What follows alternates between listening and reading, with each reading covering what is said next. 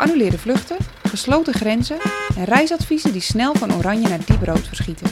Het coronavirus grijpt gretig om zich heen. Ook de reiziger wordt niet gespaard en veel van hen worden gedwongen huiswaarts te keren. In deze podcast interviewen we die reizigers. De nomaden, de mensen die op wielen wonen en de mensen zonder huis om naar terug te keren. Wie zijn zij? Waar waren ze toen de crisis uitbrak en wat doen ze nu? Hoe zorgen zij ervoor dat ze, vanaf de oprit weliswaar, toch die drang naar avontuur weten te voeden? Vanaf de oprit presenteert Van Verhalen. Vanaf de oprit. Dit is aflevering 1 vanaf de oprit. Vandaag hoor je Vera, Mickey en Co. Zij vertrokken met hun oude Hiemen naar Zuid-Spanje, vluchtten toen naar Portugal en moesten toen hals over kop weer terug naar Nederland. Vera vertelt hun verhaal. Ik ben Vera, ik ben 32 jaar en ik kom uit Schagen. Ik reis samen met Co, mijn man, en Mickey, mijn dochter. Die wordt uh, bijna twee. Door Europa. Maar nu dus even niet. Nu zitten we in Schagen, waar we ook vandaan komen. We reizen in een klassieke Hiemer uit 1991. Dus die is al 29 jaar oud. En we hebben hem toen gekocht omdat we hem heel cool vonden. Dat was uh, drie jaar geleden. En we hebben er een paar keer over nagedacht om te verkopen, omdat we misschien, net als jullie, toch ook wel een bus wilden hebben om op andere plaatsen te kunnen komen, of om wat sneller te kunnen zijn, of om, uh, nou ja, wel bepaalde bergweggetjes te kunnen pakken. Uh, maar we zijn er eigenlijk zo gek op. Dus hij blijft gewoon bij ons. En nu staat hij in een opslag en we zijn een beetje aan het klussen. En we hopen straks weer lekker mee op pad te gaan. Misschien wel in Nederland of in Duitsland of um, naar Scandinavië of nou ja, waar we heen mogen eigenlijk. Waar was je voor de coronacrisis uitbrak? Um, wij waren in Zuid-Spanje, in Tarifa. En daar zaten we al zes of acht weken. Daar woonden we zo'n beetje op een veld met een heleboel andere campers. Um, en op een gegeven moment werden we daar weggestuurd, want het mocht niet meer. En toen zijn we een beetje uh, versprokkeld, al die camperfamilies en wij. En toen hebben we nog een tijd aan het strand gestaan daar in Tarifa. Totdat de situatie veranderde en we eigenlijk niet zeker meer wisten uh, of we daar konden blijven. De Spanje zou natuurlijk in lockdown gaan, zoals we nog steeds wel zitten. Um, en ja, voor ons was, was alle informatie best wel onduidelijk. Um, wat de regels voor mensen in campers zouden zijn. Of je dan nog wel naar buiten mocht. En uh, of we dan nog wel water en eten en zo konden gaan halen in de stad. Dus toen hebben we een, een heel weekend alle opties aflopen wegen. Um, met heel veel mensen gepraat. En toen uiteindelijk um, op zaterdagavond volgens mij toch maar besloten om naar Portugal te vluchten. Uh, want Spanje zou op maandagochtend om 8 uur in lockdown gaan en de grenzen zouden dichtgaan. Niemand wist dat zeker, maar dat, leek er wel op. En toen zijn we op zondagochtend heel vroeg gaan rijden. Het was namelijk volgens mij 400 kilometer vanaf ons plekje naar de Sp uh, Portugese grens. Uh, dat was voor ons echt het meeste wat we ooit in één dag zouden gaan rijden. Maar we dachten, ja, we gaan het toch doen, want het werd in Spanje gewoon te onzeker. Dus hebben we een hele dag gereden. Nou, wij rijden ongeveer um, maximaal 90 km per uur. Gemiddeld denk ik ongeveer 60. Dus we hebben er, nou, ik weet niet hoe lang over gedaan. Het was ook een beetje een soort adrenaline rit. Maar uiteindelijk zijn we bij de grens van Portugal aangekomen. En uh, daar konden we gewoon nog overheen. Dat was heel spannend, want dat wisten we niet. Maar er was helemaal niks aan de hand. En toen waren we in Portugal. En waar ben je nu? Beval dat? Um, nou, nu, ja, we zijn dus nu in Schagen. Uh, ons Portugal-avontuur liep even anders dan gepland. Wij dachten, we zijn in Portugal, het is hier allemaal veel minder streng. We zoeken gewoon een plek op in de natuur. En we kenden daar mensen ook in uh, bussen en campers, gezinnetjes ook. Dus we dachten, we gaan het gewoon hier uitzitten. Maar um, ja, in Portugal werd het ook heel snel anders. En we konden op een gegeven moment nergens meer terecht. We werden op alle campings geweigerd. Um, dus we konden niet douchen, we konden nog maar op één plek water halen. Ja, dat was natuurlijk ook een beetje spannend als je aangewezen bent op maar één kraan met al die campers.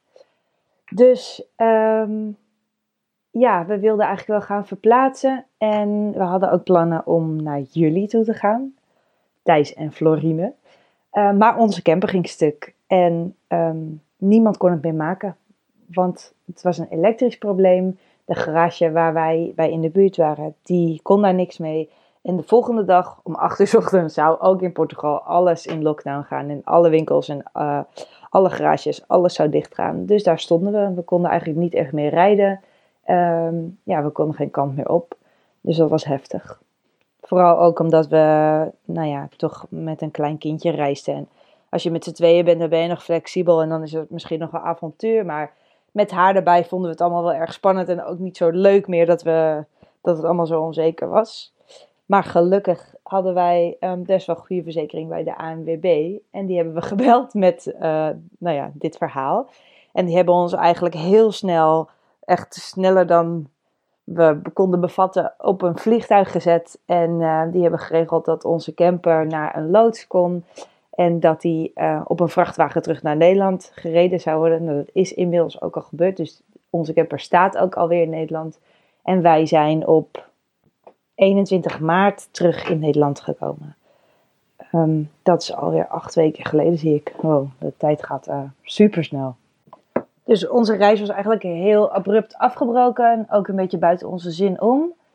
Um, ja, dus dat was wel eigenlijk heel jammer en heel gek ook. En we waren ook opeens terug in Nederland. Terwijl we eigenlijk gepland hadden om in juni pas terug in Nederland te zijn. Um, en dan ook daarna weer verder te gaan reizen. Dus nou ja, het was wel even schakelen. Maar we werden heel goed opgevangen in Nederland. We hebben een paar weken in een heel fijn vakantiehuisje gezeten. En we zijn nu lekker aan het logeren bij mijn schoonmoeder. Waar we heel fijn zitten. En um, ja, vooral onze dochter Mickey vindt het hier natuurlijk helemaal fantastisch. Want die kan nu elke dag oma zien. Dus dat is ook wel heel erg fijn. Wat zijn je plannen voor wanneer je weer mag reizen? Ik moet hier even heel erg over nadenken eigenlijk. We hebben eigenlijk nooit echt plannen. We hebben wel allemaal ideeën um, van landen waar we graag nog een keer heen willen. Nou, we hebben op dit moment eigenlijk niet echt een plan. Er zijn nog wel een heleboel landen waar we heel graag heen willen. We willen heel graag wild kamperen in Scandinavië en dan heel romantisch uit beetjes drinken en onder de sterren slapen. En we willen ook heel graag naar Slovenië en Roemenië, omdat ik denk dat de natuur daar ook echt onwijs mooi is. En uh, voordat de crisis uitbrak, wilden we eigenlijk naar, um, de oversteek naar Marokko maken. Wat ik nog steeds heel tof vind, maar dat zou wel betekenen dat we weer helemaal naar Tarifa moeten rijden. Dat is 3000 kilometer. Ik weet niet of, um, of we dat dit jaar nog gaan doen. Maar dat staat ook zeker nog op de planning. Hoe vermaak je je in deze tijden? Heb je leuke tips voor in en om je huis? Dat is wel grappig. Voor ons is er niet echt iets veranderd eigenlijk. En dat voelt soms heel erg raar om te zeggen, omdat voor een heleboel mensen het leven wel echt heel erg anders is. En ook misschien wel stommer is of zo. Maar ons leven is eigenlijk. Ja, we, de omgeving is natuurlijk heel anders, want we zitten nu opeens in een huis in Schagen in plaats van in een camper ergens in Portugal. Maar onze routine en onze bezigheden zijn eigenlijk hetzelfde. Um, we hebben Mickey om voor te zorgen. Nou, dat begint uh, s ochtends vroeg. Rond een uur of zeven als we massa hebben. Nou, zijn we lekker in de ochtend lekker aan het ontbijten en rustig aan. Um, een beetje aan het puzzelen en zo. En dan ga ik meestal om negen uur werken. Ik werk als tekstschrijver en virtual assistant. Dus dat deed ik allemaal al op afstand. Nou, dat gaat nu eigenlijk ook gewoon door. En de rest van onze dag ziet er eigenlijk ook min of meer hetzelfde uit als toen we in de camper zaten. Sommige dingen zijn natuurlijk wel anders. We wonen nu lekker bij oma, dus die zien we elke dag. En dat is heel gezellig. En we kunnen onze spullen uitzoeken die hier staan. En we kunnen eindelijk weer een beetje in de tuin werken. Dan niet ons eigen tuin, maar wel die van oma. En dat vinden we allebei heel fijn om te doen. Sta je wel eens op een camperplaats in Nederland? Welke was dat en zou je die aanraden? Nee, nee we zijn nog nooit op een camperplaats in Nederland geweest. We zijn wel, de, um, toen we vorig jaar in juli weggingen, toen zijn we eerst een week op een camping in Drenthe geweest om even bij te komen en om even te wennen aan de camper en het nieuwe leven. En dat was heel leuk. Um, maar campingplaats hebben we echt nog nooit gedaan in Nederland. En ik zag eigenlijk dat jullie um, op een plaatsje in Den Oever stonden. Dus ik ben even gaan kijken. En dat zag er super mooi uit. Dus ik denk dat dat onze eerste gaat worden. De gratis camperplaats in Den Oever. Wat is de mooiste campertrip die je ooit gemaakt hebt? Nou ja, wij hebben er eigenlijk maar één gemaakt. We zijn één keer van huis vertrokken en we zijn één keer thuisgekomen. En ehm, ja, ik kan me haast niet voorstellen dat er ooit een campertrip gaat komen die wij mooier vinden dan ehm, wat we de afgelopen maanden hebben meegemaakt. Maar goed, ehm, wie weet gaan we de rest van ons leven nog wel op pad met die camper. En wie weet wat we allemaal nog meer mogen gaan meemaken. Wat is je favoriete reisliedje? Mijn favoriete nummer? Eh, lastige vraag. Maar ik ging even door de playlist die we altijd aan hadden. eh, vooral 's ochtends. En een nummer dat eruit springt is A Taste of Honey van Paul Desmond. Dat is een instrumentaal nummer. En als ik dat hoor, dan zit ik meteen weer ergens aan het strand, in de camper, 's ochtends koffie te drinken. Ehm goede herinneringen. Wij konden dus trouwens tijdens het rijden nooit muziek aan. Omdat onze motor best wel veel lawaai maakte. En we moesten dan het geluid zo hard zetten dat Mickey helemaal gek werd. Dus we hebben eigenlijk altijd zonder muziek gereden. Maar zodra we ergens geparkeerd stonden, ging eigenlijk altijd als een van de eerste dingen de muziek weer aan. En zo zijn er nu dus heel veel nummers die me terugbrengen naar een bepaalde plek of tijd of sfeer. Dus dat vind ik heel fijn. Natuur of stad? Natuur, sowieso. Camper of camperfan? Camper, voor nu. Ja, maar ooit willen wij ook zeker wel een bus. Mag dat? Twee antwoorden? Noord of zuid? Noord of Zuid? Ja, shit. Ehm, ik, ik Noord, maar dat weet ik eigenlijk helemaal niet, want we zijn eigenlijk alleen nog maar Zuid geweest en dat was ook heel tof. Maar toch trekt het Noorden nog meer. Maar dat komt ook dus misschien wel omdat we daar nog niet geweest zijn. Langdurige reizen of korte tripjes? Lang.